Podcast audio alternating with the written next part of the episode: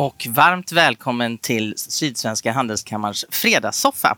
Jag heter Katarina Björnsdotter och jobbar här som regionchef. Och det här är en programserie där vi lyfter framgångsrika, intressanta näringslivsprofiler i Sydsverige. Och dagens gäst är ingen mindre än Karin Ebbinghaus, VD på Elon Road. Varmt välkommen hit! Tack så hemskt mycket. Alltså, Man blir hur- nästan lite generad eh, med den presentationen. Jaså? Så, Ingen mindre än. Ja. Det känns väl härligt? Det är ju så det är ju. Ja, men det är lite roligt. Ja. Det är det. Du, jag undrar bara, är du jetlag, jetlaggad idag? Ja, men det är jag nog lite. Eh, Jag har varit i New York i några dagar eh, på en accelerator som vi har blivit invalda att delta i. Så jag landade igår vid åtta tiden på morgonen. Mm. Så lite så här svajigt, men eh, rätt okej. Förvånansvärt bra faktiskt. Åkte du hem och la dig då? Nej, det gjorde jag inte. Jag eh, hade ju glatt tackat ja till att prata på någons kickoff. Eh, Så att jag hade väl en halvtimme på mig att komma hem, duscha och åka iväg igen. Okej, gick det bra på den här kickoffen? Jo, men det tycker jag väl att det gjorde. Jag var väl eh, så lite övertrött så att jag gick i, loss med en hel del elvägsskämt. Men det bröt ju isen i alla fall för de här. Mm. Bra. Eh, Den här eh, programserien går ut på både att lära känna människan bakom men också få lära känna bolaget. Så vi ska mixa liksom, fram och tillbaka lite privata frågor och sen så lite bolagsfrågor. Och jag tänkte vi börjar med Karin. Ja. Hur var din uppväxt? Var växte du upp någonstans? Ja, men jag växte upp i eh, småländska höglandet i en stad som heter Värnamo med mina föräldrar. Ensambarn, vilket tror jag har varit en ganska stark eh, drivkraft för mig genom åren. Men en otroligt så här, trygg och harmonisk eh, barndom får jag ändå säga. Vad menar du med att just att du är ensam barn, vad gör det med drivkraften? Ja, men jag har reflekterat eh, en hel del på varför jag är en sån som sätter igång många saker. Men jag har ju kommit fram till att då får jag ju vara med.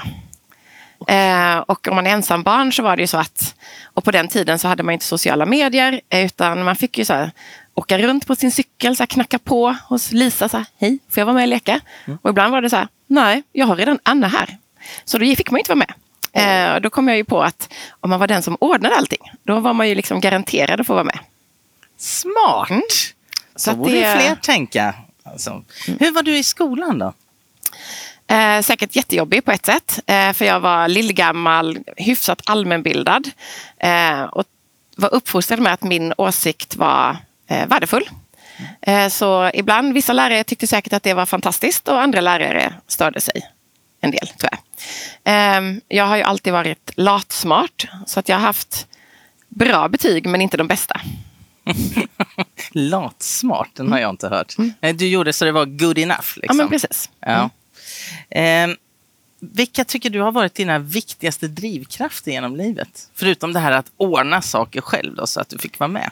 Ja, men jag kan då säga att jag har varit väldigt så här... Eh, när jag tittar tillbaka så inser jag ju att eh, mina föräldrar och framförallt min pappa har varit en väldigt stor eh, liksom, eh, drivkraft. Eh, mina första kanske 20 år så tillbringade jag med att göra liksom, revol- revolt mot dem. Alltså allt som de inte gillade i princip. Vad var det? Ja, men, eh, allting från att... Ja, men, det är ju inte jätterevolt om jag tänker efter. Men min pappa var ju läkare, naturvetare. Ja, men då valde jag humanistisk, halvklassisk, eh, så långt ifrån man kunde komma. Eh, Jag liksom hade olika frisyrer, jag liksom gjorde saker som de inte tyckte var så roliga.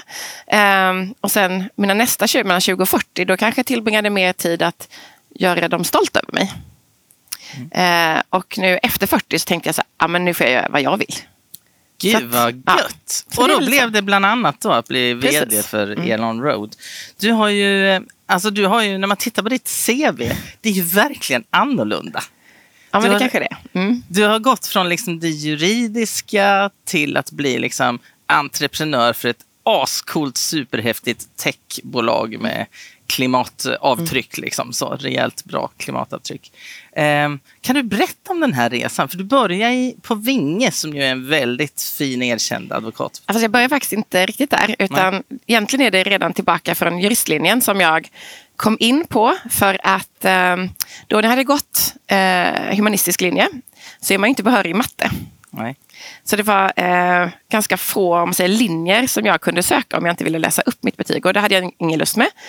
Eh, och så var det så här, kulturvetarlinjen. Fyra år till av att inte bli speciellt någonting. Eh, fast den hade nog kanske legat mig väldigt varmt om hjärtat. Mm. Eller juristlinjen som kanske var lite mer ansedd och man skulle få ett yrke. Ja, och så kom jag in på juristlinjen. Men jag hade kanske inte någon direkt ambition att det var juridik jag skulle hålla på med. Jag tänkte att men det är väl en bra utbildning att läsa som en grund och sen kan jag göra någonting annat. Jag skulle gärna vilja hålla på att skriva eller vara journalist eller något sånt. Där. Så jag läste juristlinjen med ambitionen att jag absolut inte skulle hålla på med juridik och jag tyckte faktiskt att juristlinjen var bland det tråkigaste jag varit med om. det passar och den var väl bara i fem år? Eller? Ja, men precis. Ja, precis. Mm. Ja. Ja, nej, men så, eh, och, men jag träffade ju fantastiska människor och min studietid i Lund har ju verkligen satt avtryck och det tycker jag var fantastiskt på många sätt. Eh, också för att när man kommer till Lund så, så är det faktiskt din egen lyckas smed. Eh, om jag då i min uppväxt hade varit duktig i skolan så fick man ju inte tala om det. För det var ju så här klassiskt att man fick inte vara duktig i skolan. Men man skulle ju vara liksom någonting annat. Men i Lund kan man ju både vara duktig i skolan och vilja förkovra sig eller fördjupa sig och vara intresserad av saker. Och tycka det är skoj att festa. Det brukar jag säga att det är väl ändå universitetets motto. Beredd till båda delar. ja, precis. Den Var du engagerad versionen. i kårliv och så också? Nationsliv väldigt ja, mycket. Ja. Eh, karneval och jag gjorde eh, AF med studentaftonutskottet. Så jag ägnade mig åt väldigt, väldigt mycket annat än mina studier. Eh, men sen så blev jag klar och då var inte eh, advokatdelen det som jag satsade på utan jag började jobba på ett förlag och var redaktör för ett nyhetsbrev om sjö och transporträtt för jag hade eh, gjort min eh, uppsats i eh, sjörätt. Mm. Eh, och sen halkade jag vidare via min uppsatshandledare. Så blev jag bolagsjurist på ett eh, oljetankrederi. Så att, eh, det var väl egentligen mitt första riktiga jobb. Och eh, då kom jag till Stockholm. Det var listat på börsen. Det var föremål för ett fientligt bud. Eh, det var som en Bellman-historia för det var en norsk redare och en grekisk redare och så vi som de skulle köpa. Eh, och jag hamnade där som eh, bolagsjurist. På ett år hade jag fyra bolagsstämmor där det fightades. Det var väldigt viktigt att det blev rätt. Bra skola. Ja, det var en bra skola och jag var tillräckligt naiv för att inte veta vilka människor var. Jag hade ju levt min lilla bubbla i Småland och sen hade jag levt min bubbla i Lund. Så när jag kom upp till Stockholm, jag hade jag hade ingen koll på vem som var vem eller vem som företrädde näringslivsfamiljer eller intressen. Alltså jag var helt, eh, hade aldrig öppnat Dagens Industri. Men det måste ju varit en, det måste ju varit en fördel Ja, I det här läget för det kom väldigt många så här, ja. viktiga människor ja. och sa, vet inte du vem jag är? Så sa nej, det vet Borde jag det? Jag sa, det spelar väl ingen roll för du har ju fortfarande inte en formellt ifylld fullmakt så du får inte rösta för dina aktier. ah, topplocket gick ju verkligen på vissa personer då. Men eh, då är man också glad att man är ung och naiv och tror att man, lite så härligt, eh, nu raljerar jag lite så här, lite manligt eh, entitled Just det. Ja, att, mm. nej, men jag har ju rätt i min åsikt. Mm. Eh, och då, eh, men i alla fall så var jag på det här eh, rederiet som sen blev uppköpt och då skulle de handla, hamna i eh, Norge. Mm. Och jag hade ingen lust att flytta till Oslo. Och då var en av de advokatbyråerna som jag hade eh, haft, som jag var klient åt, tyckte väl att jag hade gjort ett bra jobb. Så de frågade om inte jag ville börja där. Och då var det Lagerlöf och Lehmann, en gammal byrå som eh, fanns i Stockholm. Så då började jag där. Mm. Och sen gick du vidare till Vinge. Ja, precis. För så var jag i Stockholm eh, och jobbade på Lagerlöf Lehmann så det blev, som blev Linklaters. Så det var jag en sväng i London och jobbade på deras Londonkontor. Eh, och sen kom tillbaka eh, och sen så hade jag naturligtvis träffat en skåning. Jag bodde i Stockholm. Mm. Eh, och så tyckte han att eh, vi skulle flytta tillbaka till Skåne för han fick en chans att öppna och jag var men jag har ju alla mina kompisar här uppe i Stockholm. Så konstaterade han lite cyniskt att men du träffar ju alla dina kompisar ändå för du jobbar ju hela tiden. Så att eh, du kan väl lika väl flytta. Så tyckte jag väl, ja det kan väl jag. Så då flyttade vi till Skåne. Och då började jag på Vinge. Mm. Mm. Hur länge var du där? Ja men lite till och från. Jag tror att jag började där, kan det varit eh, 05, 06 och sen så gick jag väl sista gången ut i dörren eh, 16. Just det, för du var ett mm. tag på Vestas däremellan. Precis. jag fick, kan... Eh, så här, efter mitt eh, andra barn så tänkte jag så att, att jag skulle ha ett så här vanligt jobb. Eh, där man går till jobbet och så går man hem. Mm. men det tog mig bara några veckor så insåg jag men det är inte jag. Jag kan inte vara här, jag kommer... Um, men så blev jag lite, lite oplanerat gravid med nummer tre, så då stannade jag. På, på Västras på Västras. Mm. Ja. Var du? Och sen kom jag tillbaka till Vinge. Och sen kom du tillbaka till Vinge igen. ja.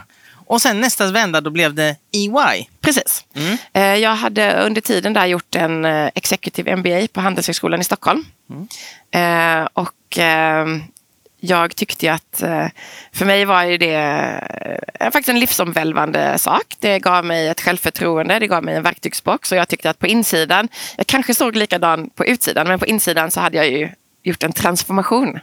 Eh, och det fanns inte riktigt ut, möjlighet för mig att utveckla eller gå vidare på alla de betena inom Vinge. Man blir jättespännande då, eller, liksom, eller nyfiken på att höra mm.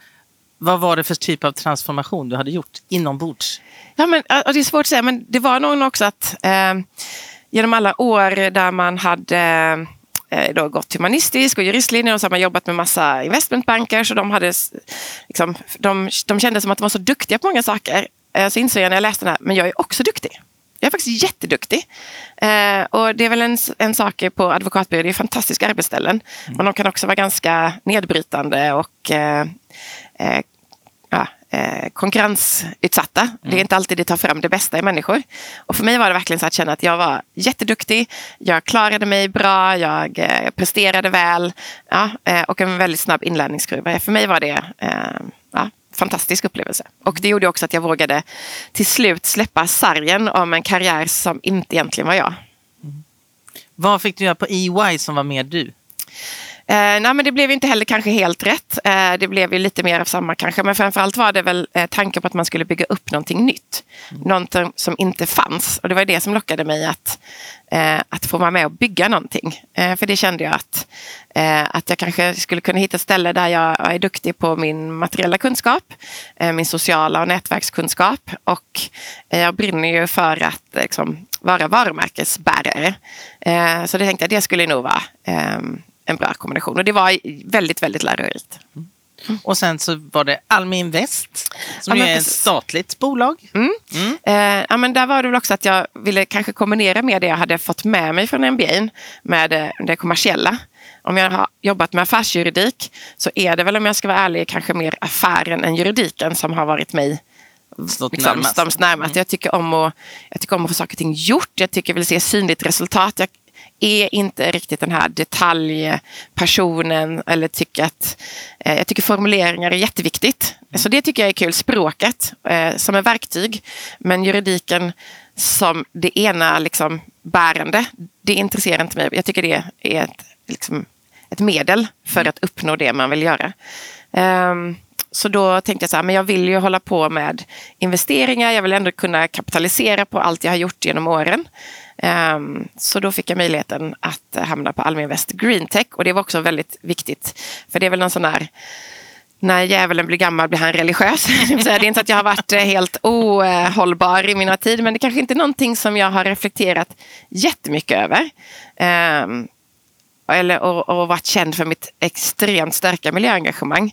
Men det väcktes någonting där att ska jag göra någonting och, och engagera mig, för jag tycker väldigt mycket om att arbeta och jag prioriterar gärna mitt arbete.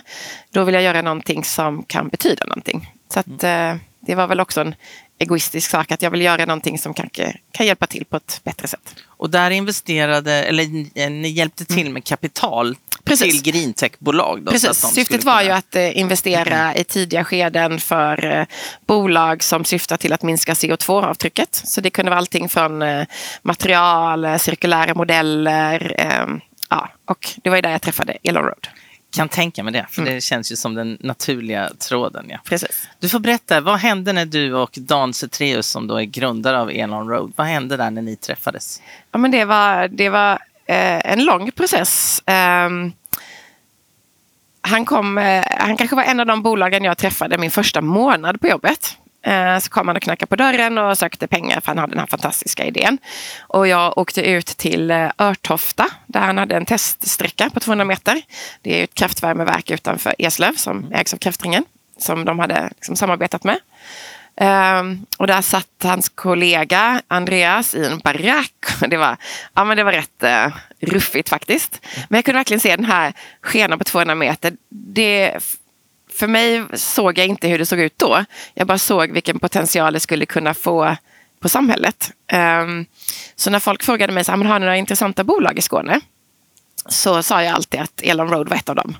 Men det var inte helt eh, uh, investeringsbart. Um, ehm, man tittar ju på många saker när man investerar. Det är ju, liksom, finns marknaden? Um, finns det ett bra team? Och hur är produkten? Uh, och vid den tiden så var väl marknaden ett frågetecken, teamet var ett frågetecken och produkten var ett frågetecken. Uh, så att uh, nej, det gick inte. Men jag kunde inte släppa. Jag träffade Dan på många ställen samtidigt som det växte fram en, en viss frustration hos mig när jag satt och investerade och, och har ju tonårsbarn. Mm. och vara investerare är lite som att vara tonårsförälder. Du har ju den här härliga liksom, entreprenören som bara är crazy och ser helt fantastiska utmaningar. Och själv så här, har du mött dina kopior? Har du skickat in det här? Alltså man är ordningspersonen. Och jag vill ju också vara härlig. Eh, jag vill inte, jag vill inte vara den här ordningspersonen. Och det som... är du inte idag då? nej, men det har jag andra som nu är jag. Nu är du på andra sidan. Jag är på andra sidan. Och det var, återigen så är det ett ganska ensamt arbete. Även om du har liksom ett investeringsteam och du pratar med dina kollegor så bygger du inte. Du liksom bygger ju genom, du är en möjliggörare att andra får bygga. Mm. Och jag hade där liksom itchen, jag ville själv bygga. Eh, men jag hade, jag hade ingen egen idé sådär som jag...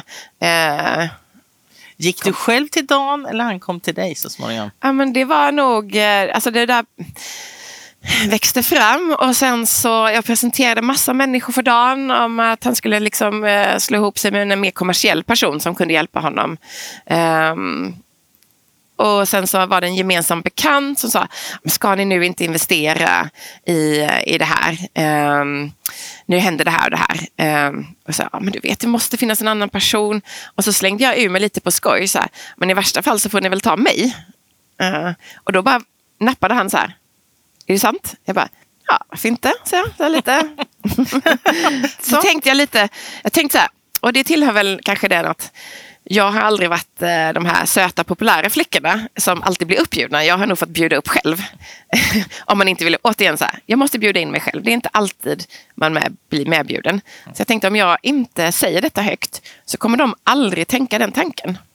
Nej. Så att eh, jag sa det högt läskigt. Men, uh, hade du då tänkt det innan eller det var liksom stundens ingivelse? Men jag hade nog tänkt innan att jag hade tyckt att det var roligt. Ja. Men det var nog lite så här timing att jag träffade honom då och sa det. Och han gick igång med en gång och ringde Dan och sen så gick jag och Dan långa skogspromenader tillsammans och pratade. Uh, för att se, liksom, funkar vi? Eh, men detta var, det var ju, han, hade ju, han är ju grundare, han var vd, han hade levt med det här i fem år, mer, säkert sex år. Så hade det varit hans baby. Mm, Skulle han liksom släppa in någon annan i detta, vilket är ett jättestort steg. Eh, så det är ju fantastiskt att han gjorde det. Och sen så tänkte han så sa han, nej, jag gillar ändå inte så mycket att vara vd. Det kan du få vara. och jag sa att om jag ska komma in så vill jag vara vd. För nu är jag trött på att göra allt grovjobbet så ska någon man eh, stå där och ta cred. Så, att, eh, så är det. Härligt. Bra inställning. Eh, det är inte vilket bolag som helst du har kommit till heller. Jag läste på lite och eh, 2020 Mm. så fick ju Dan Cetreus ett väldigt fint pris. Mm. Han blev kan ju vara någon som hade blivit nominerad. Ja, just det. Årets tekniker mm. hos Sydsvenska Handelskammaren. eh, så det var väl det första kanske, erkännandet. Eller kanske hade varit några innan också. Ja, nej men det började ju komma. Uh, han hade gjort ett fantastiskt jobb med att mm. vara ute och, och pitcha och prata om detta och varit med i Cleantech Scandinavia. Har, att man tar fram vilka, så att han varit topp 10 där och kommit till final i Price och så. Så han var inte mm. helt uh, okänd. så. Okänd så. Men det hade ju jag menar, det är svårt och det är därför man måste bygga team. Han är också den som utvecklar tekniken och mm. uppfinner och så. Att också eh, uppfinna bolaget eller prata om storyn eller så. Sen kan det också vara lättare för någon annan att prata om den fantastiska resan än en själv. Mm. Eh, så att jag har ju pratat jättegärna om hans resa, vilket också är en fantastisk eh, historia och många roliga anekdoter. Som när han till exempel hade börjat med detta projektet och eh, ja, hade börjat eh, bygga om sin bil för att kunna ladda på skenan. Och så tänkte han inte så mycket på, på det och så åkte han till eh, Köpenhamn på en lite så här kärleksweekend med sin eh, dåvarande flickvän. Parkerade bilen och de gick runt där och fikade och hade sig och helt plötsligt så får han så börjar hans telefon vibrera. Eh, det är massa som ringer. Han trycker bort för han är ju, han är ju där med sin eh, flickvän. Um, och, men till slut så blir det så mycket så han är tvungen att svara. Och då är det någon journalist från Aftonbladet som är, vad har du för färg på din bil? Han bara, varför undrar de vad jag har för färg på min bil? Ja, då visade det sig att han har parkerat den här bilen i ett garage. Eh, han, har, han har en yoghurtburk i baksätet med sladdar i. Eh, för han håller på att galen. Så de, de trodde naturligtvis att det var en bilbomb. Eh, och de hade spärrat av hela Kungens Nytorg. Alltså flera kvarter. Det var helikoptrar, det var liksom bombsquads och så. För det var den tiden i där det var ja, det mycket terror. Var, hade varit mycket det hade varit mycket sånt. Ja, han bara okej, okay. så han liksom får komma, han är, ursäkta så här, polisledaren, så här, det, nej det är min bil, jag ritar en skiss och förklara. Så kommer han ner i det här garaget, den är helt utblåst. Det står en sån här stor du vet, eh, bil med någon robotarm och folk, så här, poliser i arm, du vet, skyddskläder. De ska precis här, typ spränga den här bilen för att säkerställa att det inte är. Han bara, nej nej det är min, det är min Nissan Leaf. och då, då får han ju eh, frågan så här, men om det inte är en terrorist, om du inte är en terrorist, vad, vad är du då? Mm. Uh, ja, men jag är inte rädd för terrorister, jag är rädd för klimatet.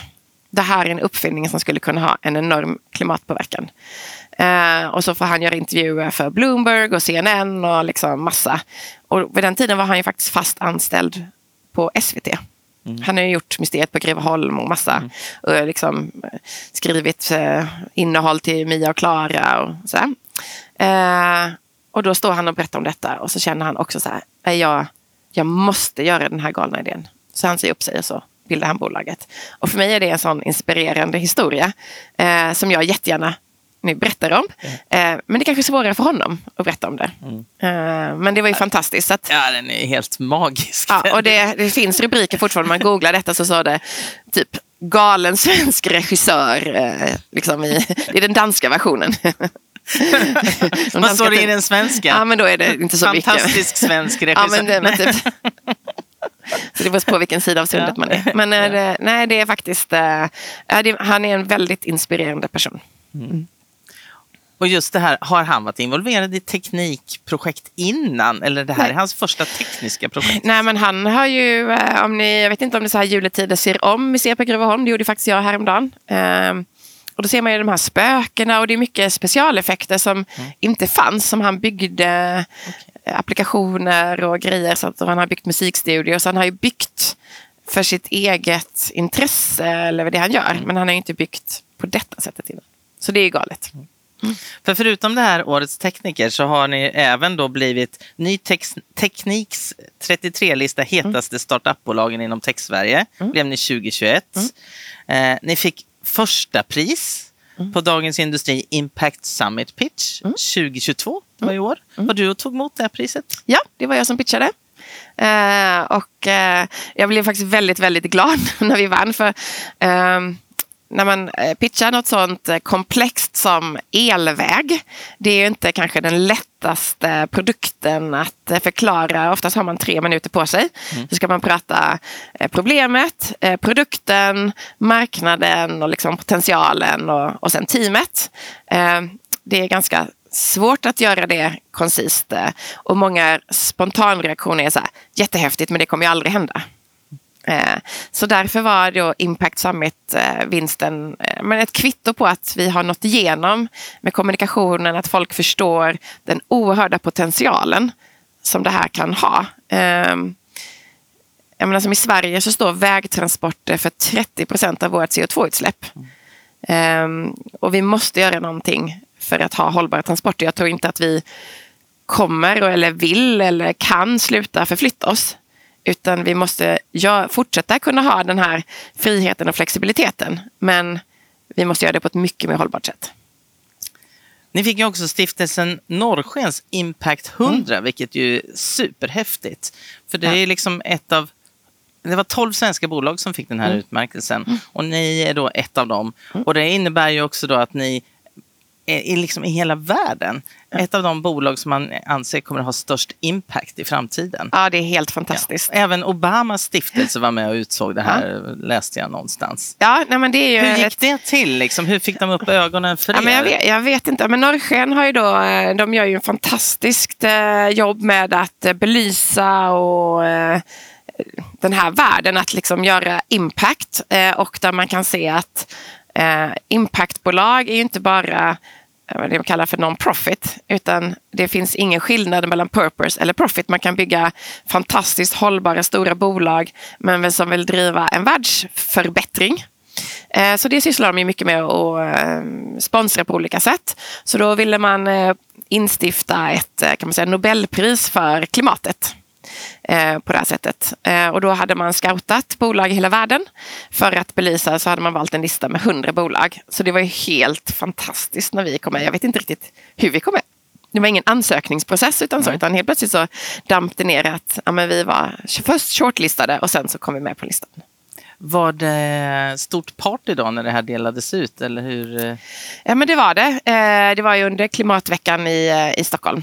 Mm. Så att det var ju det, var, det var rätt roligt. Eh, ja, men då här var jag var uppe och Norrsken det är ju också väldigt, väldigt eh, trendigt. Det är mycket så här high fives och bros och tech och så.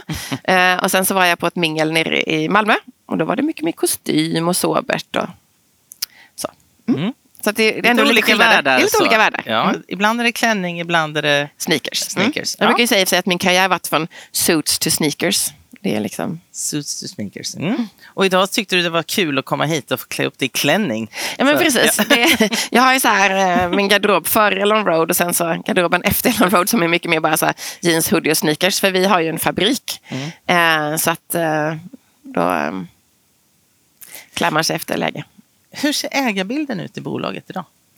Ja men eh, Dan är fortfarande största ägare. Um, och sen så är vi i ledningen, har också en ganska stor bit. Så att management får man väl säga har um, nästan 80 procent av bolaget, eller 75 kanske. Mm. Uh, och sen har det Almi Invest uh, Green Tech.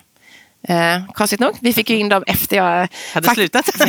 faktiskt var det så att min dåvarande chef på Almi Invest Green Tech sa nej till att investera i Road. Så då sa jag upp mig. och, eh, blev vd för det istället. Och blev vd istället för det. Ja. Så, eh, och sen så efter det har vi fått, för då plötsligt så följde kanske teamet kanske lite mer pusselbitsmässigt in. Eh, sen så fick vi med Bring, logistikbolaget. De har också en venture-del. Från början så sa de var det väl mer så här, ja men det är lite mer samhällsförbättrande. De kunde inte riktigt se elvägar, hur det skulle direkt påverka dem. För återigen så är det så här, det känns så futuristiskt Eh, men när man börjar titta på det och se applikationer och sen har vi också utvecklat att vi kan använda vår lösning för att ehm, ladda medan man står parkerad automatiskt och smidigt. Så kunde de se en enorm nytta. Så nu har vi ju två eh, projekt med dem för att ehm, göra laddlösningar på deras terminaler. Mm. Och sen så fick vi också med en EU-fond eh, e som heter EIT Urban Mobility som, som syftar till att investera och, och gynna europeiska bolag som är inom mobilitet och eh, hållbara städer. Nu har vi pratat mycket om eh, elvägar och sånt. Kan du väldigt kort beskriva vad är liksom tekniken? Vad är eran USP? Ja, men absolut. Har du någon gång så lekt med en Scalectic-bilbana eller någon Absolut. Ja. Rätt ja, men, värdelös, men jag har provat på. Ja. ja. men tänk dig en sån fast den är i verklig storlek. Eh, vi har tagit fram en skena som man kan antingen fräsa ner i asfalten eller lägga på asfalten. Eh, I den har vi fyllt den med eh, kraftelektronik och massa kretskort och annat. Så den är en smart uppkopplad skena. Eh, så när fordonet kör över den så skickar den en krypterad radiosignal som skenan identifierar. Okej, okay, det här kommer ett behörigt fordon. Och då slår man på energiöverföring i korta segment i, om en meter åt gången. Och den här metern som är eh, strömförande, den är då under fordonet, antingen om det står still eller du kör 110 km i timmen. Så att den förflyttar sig med fordonet. Och vad är då det fina i kråksången med detta? Jo, det är att om du kan ladda medan du kör och du har tillgång till den här typen av laddinfrastruktur, då kan vi ju minska batterierna på fordonen med någonstans mellan 50 till 80 procent. Och det är det som har den här enorma klimatpåverkan. Att vi utnyttjar resurser på ett helt annat sätt mm. än eh, dagens lösning. den här finns att testa. Ja, precis. Ni Eh, Det var väl det en- som är eh, Dans, eh, ja, men ändå den här drivkraften att komma framåt. För att han höll ju på i, i sin källare och på Örtofta och, och tillsammans med universitetet. För det hände ju då att han tog kontakt med en professor på LTH, Mats Allakulla, och jobbat väldigt nära eh, det forskningsteamet i, eh, ända sedan ja, 2012 nästan, tror jag det. Eh, så det är tio år. Men, och så har man varit med i och pratat med Trafikverket, för Trafikverket har ett uppdrag från regeringen att minska eh, CO2 från vägtransporter. Så man har testat olika lösningar. Ehm, så man var med i olika grupper och pratade. Och så kom det en utlysning för en sån här innovations och demonstrationsprojekt om vad man kallar dynamisk eh, laddning. Ehm, och Dan eh, var ju typ då själv i princip, någon till. Ehm, han hade ju inte möjlighet att söka. Det var ju ett 100 miljoners kronors projekt. Eh, hur gör man det? Men då är det ju fantastiskt eh, med Lund till exempel. Att han sa ah, jag skulle vilja göra detta, är någon som kan hjälpa till? Ja, men då var Future by Lund, som är deras Lunds stads liksom innovations... De sa ja, men det här låter intressant. Vi avsätter lite pengar för att hjälpa till att skriva en ansökan och dra ihop ett konsortie. Eh, och det gjorde man och sen tog Innovation Skåne över den rollen. Så att man är liksom projektägare och ledare av det här konsortiet. Eh, så fick man ihop ett anbud eh, och skickade in och så vann man. I konkurrens med Volvo, Alstom och NCC som hade sitt konsortium. Så var det liksom Evolution Road bestående av ja, Elon Road och eh, som sagt var Skånetrafiken och universitetet och några andra. Som vann det projektet. Som vann det Så nu projektet. finns det en testbana som är ganska lång va? Ja, men den är ju eh, nästan en kilometer. Nästan en kilometer. Då har vi testat både, eh, båda versionerna, både den upphöjda som vi lägger på asfalten och den nedfrästa. Eh, Och nu håller vi på att formera oss inför nästa upphandling som kom ut här för några veckor sedan. Så att då ska det byggas två mil elväg mellan Örebro och Hallsberg. Eh, det jag tänker på, man måste ju göra någonting med bilen Ja. för att den ska funka. Precis. här. Precis. Och det kräver ju rätt mycket då att, eh, för att ni vill ju såklart att ni, eran lösning ska bli någon slags standard. Mm. Mm. Hur, hur ser du på det? Liksom? Eh, Det känns ju som, för mig då som är helt okunnig, Mm. som ett oh, jätteberg man måste stiga över. Ja, men det är det. det är, ibland känns det nästan oöverstigligt med partners och intressenter som man måste bearbeta. Men eh, tänk så här, hur äter man en elefant? Ja, men man får börja i små tuggar. Så att det är, eh, om man skulle rada upp alla, alla utmaningar och svårigheter vi har framför oss, ja, men då skulle man inte orka gå upp i sängen. Eh, men man får ta ett projekt i taget. Eh, det är klart att fordonsindustrin skulle vi jättegärna vilja ha med oss. Eh, till viss del är de nästan mot oss, men eh, inte alla. Utan det gäller att hitta eh, de som kan se detta. Eh, och vi har samarbete med en hel del olika intressenter. Och, och man kan se att man har liksom olika rational. Man, man vill göra detta. Det har väl varit svårt, tänker jag, för fordonsindustrin egentligen att veta vad det är som gäller. För att om vi bara tittar tillbaka ja, men tre år sedan när jag började. Eh, för det var faktiskt i december som, som jag började prata, för tre år sedan som jag började prata med Dan. Eh, om man tittar på hur läget såg ut då, då var det ju väldigt oklart om det skulle vara eh, vätgas och bränsleceller, är det biobränslen eller är det eh, batterielektriskt eh, som kommer gälla. Och det har blivit mycket, mycket tydligare det senaste året bara att ja, men det kommer vara batterielektriskt som kommer leda omställningen. Eh, ja, då har man ju sorterat bort två andra alternativ och kan fokusera på någonting. Ja, men hur, gör man, hur får man detta till att hända så fort som möjligt? Men vad är det man behöver ha på sin bil? Är det någon liten spak som fälls ner och men lite i så. skenan? Precis eller? med sådana här Scalectic-bilbanan så är det så att vi har kontaktladdning. Eh, och orsaken till att vi har valt kontaktladdning, så det är verkligen en fysisk kontakt mellan fordonet och skenan, det är att vi vill överföra höga effekter med så lite förluster som möjligt, så hög verkningsgrad som möjligt. Eh, och som sagt var, jag har ju inte läst naturvetenskap på väldigt, väldigt länge. Men jag har fått lära mig att eh, energidensiteten är mycket, mycket högre vid kontakt. Eller om du tar din mobiltelefon och lägger den och liksom har kontaktlös laddning eller du ska eh, induktivt ladda någonting. Så blir det oftast varmt och du förlorar. Det går liksom inte lika snabbt som om du trycker in sladden och laddar. Och det är för att den här energidensiteten. Eh, och det är samma principer som, som vi har då. Mm. Så att vi har kontaktladdning. Så att eh, på fordonssidan, om du ska bara ladda stationärt, så har vi vår eh, metallram med, eh, vi kallar det ja, släpkontakter som går ner. Eh, man måste alltid ha tre, eh, för vi har ju då plus och minus efter varandra i korta segment, så man ska alltid nå en plus och en minus, så då får man ju över energin. Ehm, och så kopplar vi in oss på det som är, kallas CCS, som är en standard för laddprotokoll. Eh, Eh, så då är det, krävs det inte så mycket. Ska vi ladda dynamiskt så behöver vi en ombordladdare också. För vi, spänningen i vägen är 650 volt DC, eller likström. Så när det kommer in i fordonet så måste vi kunna eh, konvertera det till rätt eh, spänning in i batteriet. Och det här har ni, det funkar idag ju. Det funkar. Ja. Eh, vi vill ju egentligen som sagt vara vår liksom, kärna, kärnan i, i vår verksamhet, eller vår kärnkompetens, är ju att vi kan överföra väldigt höga effekter i korta segment som vi kan reglera på vår digitala plattform. Ehm, det som händer på fordonet håller vi också på med just nu, men det är ju någonting som vi gladeligen skulle släppa till någon annan. Och där samarbetar vi med olika partners. Så att vi, nu på morgonen innan jag kom hit faktiskt så har jag hunnit med en telefonkonferens med vår japanska eh, kontakt, samarbetspartner som vi hoppas ska vara den som... Eh, eh, så vi har veckomöten varje fredag eh, för att se hur vi ska ta detta framåt. Hur ser du på liksom er resa nu här de kommande tre åren? Vad är det som händer? Ja, men det, det, känns lite som att 2023 skulle kunna vara ett så lite make it or break it år.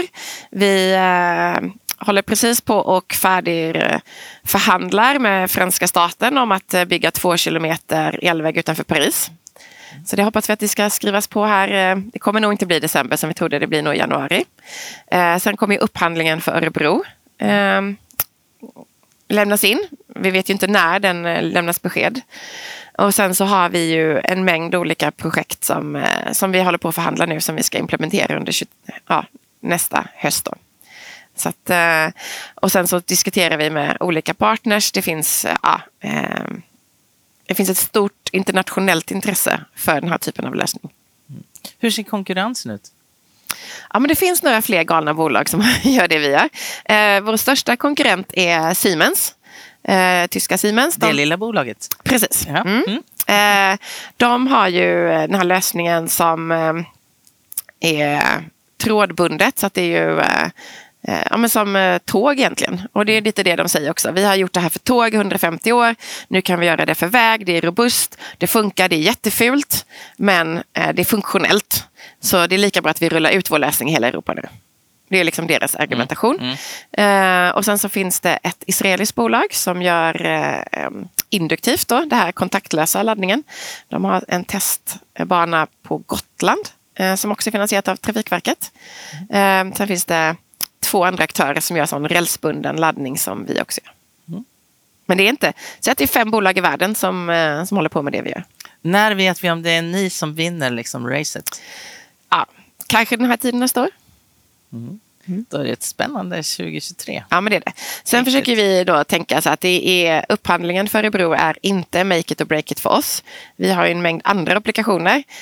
Um, vi jobbar jättemycket med hamnar på olika ställen i mm. världen. Eh, där du eh, Eh, containerhamnar kan ju vara egentligen vår sweet spot. Eh, du mm. tänker dig att du har... Eh, Helsingborg är inne väl? Helsingborg är vi inne. Mm. Det är också en sweet spot. Det är lite mm. mindre hamn eh, än den vi pratar med i Los Angeles. Eh, men då, den hamnen vi pratar med där, det är ju eh, de har hundra eh, lastbilar som går runt och flyttar containers varje dag de går ju i skift. Så att det byter ju människan, inte fordonet. Och i Kalifornien har du ju enorma krav på dig att elektrifiera. Mm. Så att eh, de ser inte egentligen hur de skulle kunna lösa det här om de inte har vår lösning. Uh. Så det är fantastiskt. Det låter fantastiskt. Mm. Men vi pratar mycket ja. Elon Road och det är ju så spännande. Man skulle ja. kunna sitta här i timmavis Det är kanske också ett av mina det. favoritämnen att prata om. Jag kan tänka det. Men nu tänkte jag att vi ska prata om ett annat favoritämne. Ja. Karin. Ja. ja. Okay. eh, jag hoppade in i din bil för du, vi fick skjuts ja. av dig eh, för ett tag sedan, vilket var väldigt snällt. Mm. Eh, och så tog jag upp ett tuggummi-paket och så skulle jag stoppa in tuggummit i munnen. Och då bara skrek du mer eller mindre nej! Varför det? Nej, jag tycker ju... äh, äh, tuggummi kanske är det värsta jag vet. Äh, och jag kan inte förstå jag tycker det blir en förskjutning i samhället. Att det är acceptabelt att tugga tuggummi överallt. Vilket jag tycker är jättejobbigt. Eh, särskilt på Teamsmöten.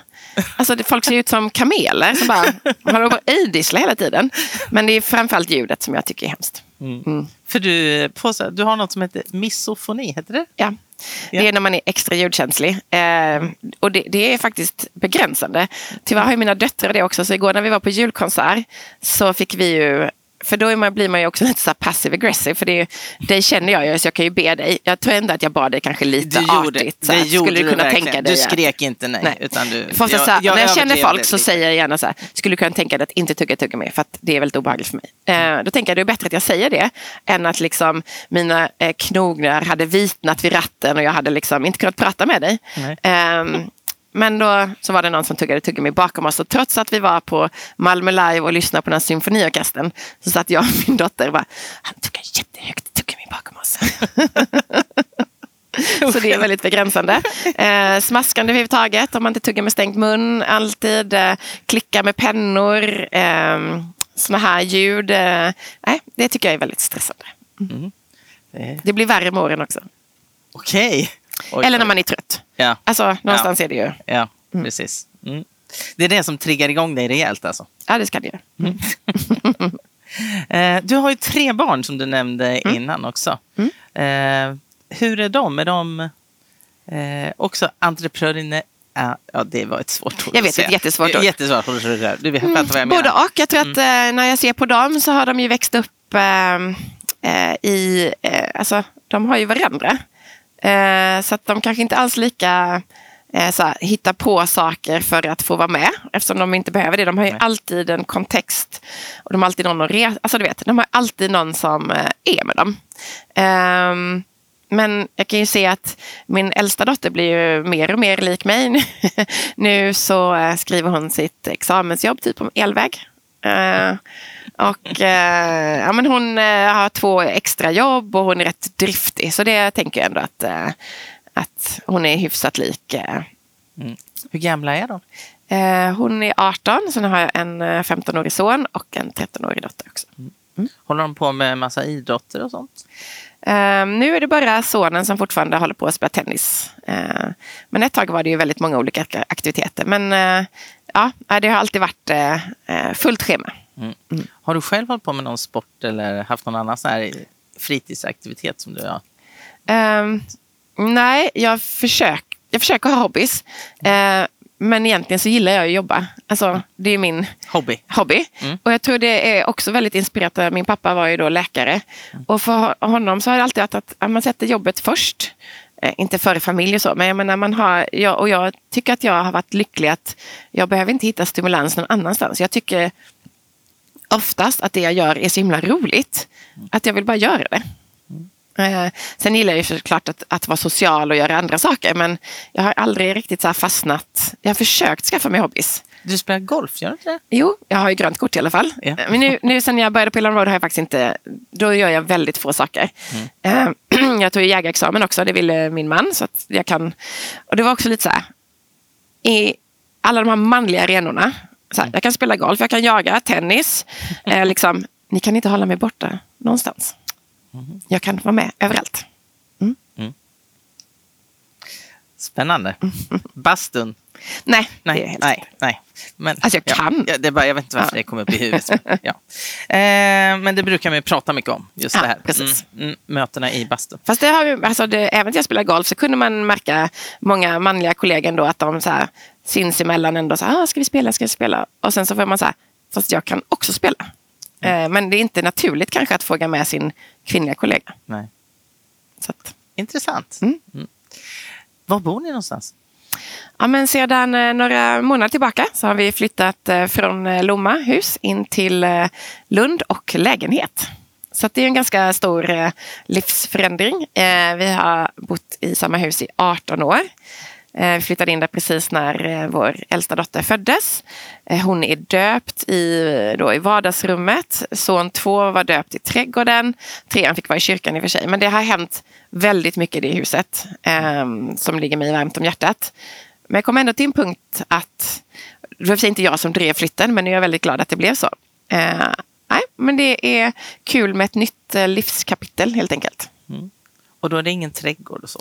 Det är en liten balkong där man kan ha några krukor och det är allt. Och det känns bra? Ja, från 5000 kvadratmeter tomt till eh, en balkong är så befriande. Fast jag, det är typiskt mig, jag älskar ju min trädgård. Ja. Och jag har ett jättefint eh, område med betonggjutna liksom, odlingslådor och så. För att jag är en jätteduktig igångsättare. Um, men jag är kanske inte den där förvaltaren. Så eh, ogräsen tar lite ja, över precis. kanske? Jag kan gärna plantera saker. Ja. Men sen vill jag inte hålla på och så här, klippa och hålla på. Och så här. Nej, nej. Det ska Jag sköta sig själv. Liksom. Ja, så. Ja. Mm. Och det gör det inte. vill, nej, jättekonstigt. Ja.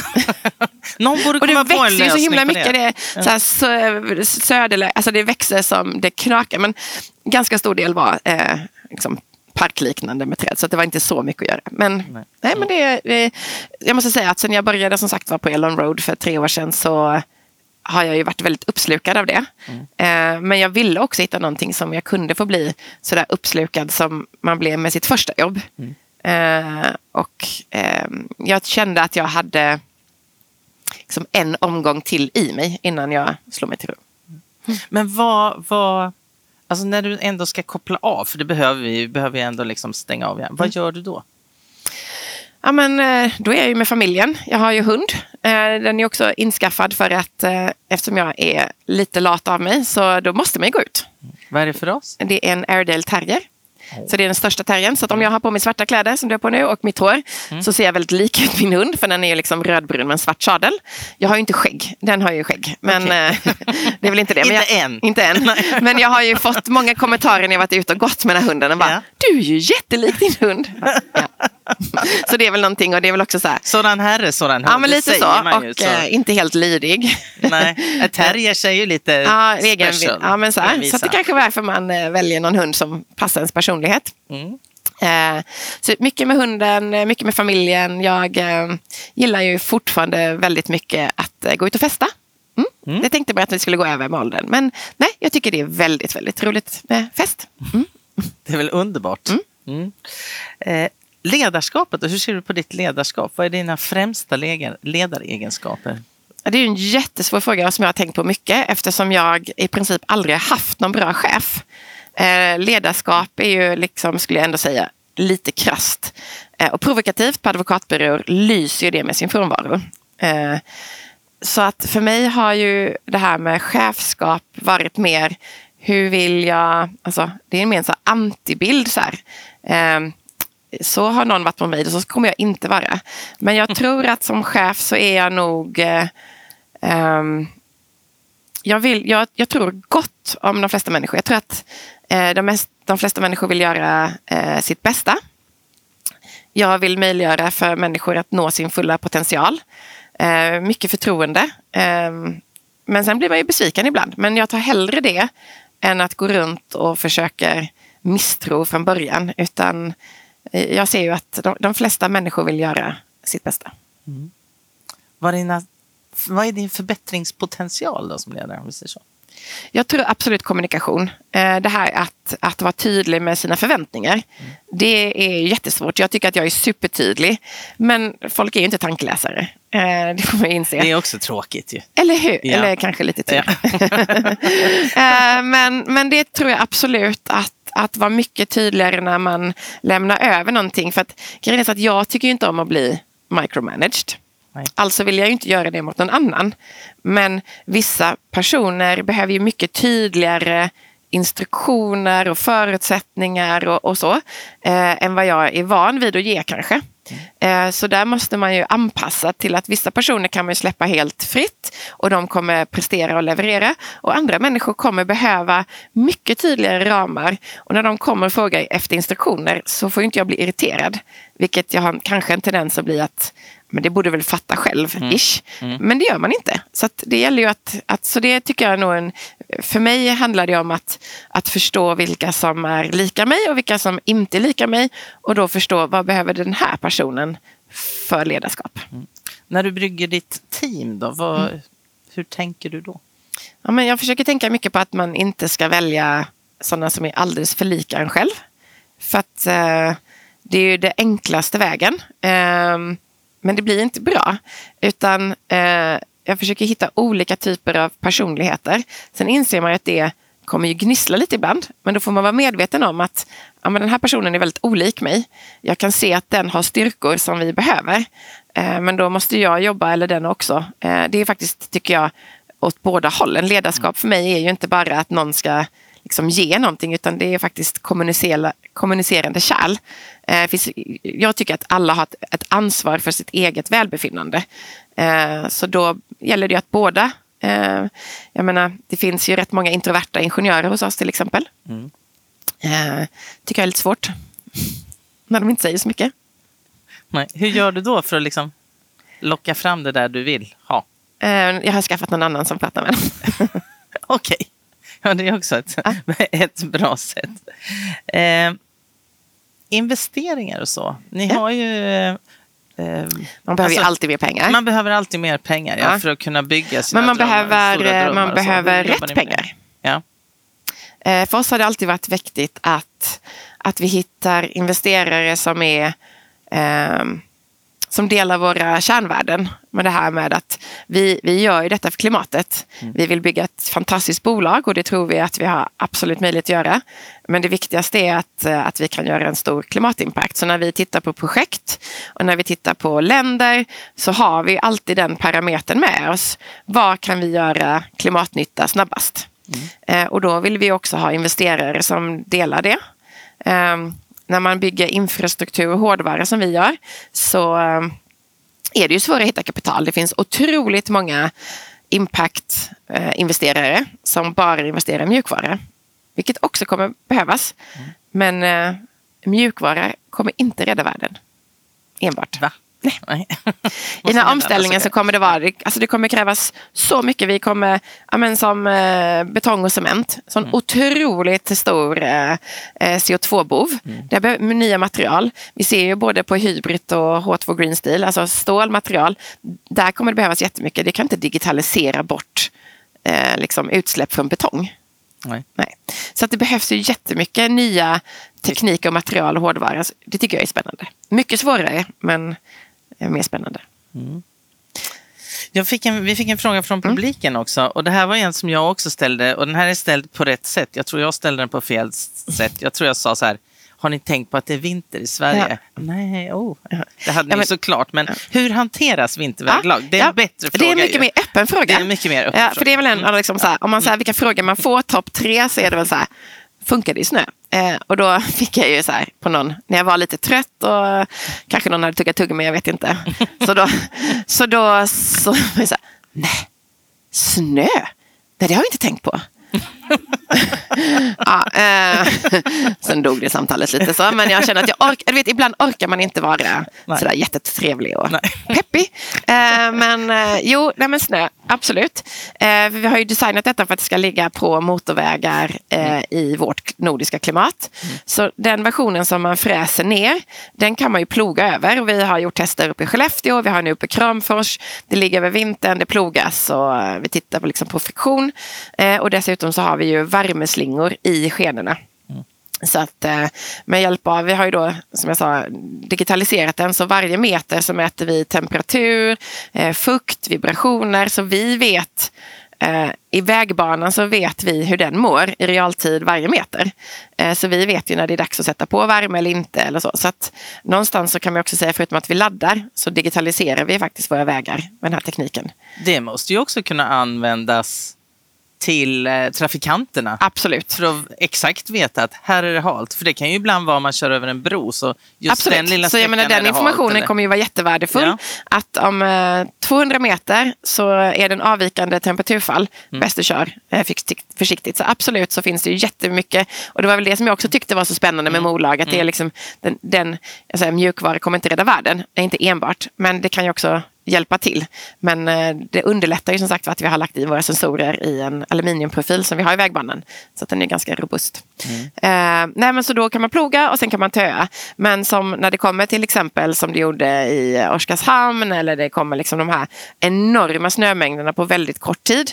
Nej, då kommer det ju inte vara eh, möjligt att ladda precis då. Det är ju inte möjligt ens att köra då. Så att, men man får vänta tills det har plogats helt enkelt. Mm. Jag kom ju med någon sån här förslag. Så här, hur ser liksom den plogen ut? Är den så och så går det upp? Vi har ju en sån, vi har en sån plog också. Ni har en sån plog? för den upphöjda som, som naturligtvis Dan har designat. Och så ja, det är tänder som formar sig efter vägbanan så att när den kör upp ja. så äh, skrapar Det finns lösningar på allt. Absolut. Och det är väl lite skönt. Jag menar, vi har så många utmaningar och vi stöter på problem hela tiden. Men vi har inte stött på ett problem som vi inte kunnat lösa. Det är gött. Och det är ganska skönt att ha med sig den. Mm. Eh, när man känner att ah, man knappt orkar gå upp i sängen och det är liksom motgångar. För ibland känns det ju så. Eh, så bara, nej, vi har inte stött på ett problem som vi inte lyckats lösa ännu. Vad drömmer du om för framtiden?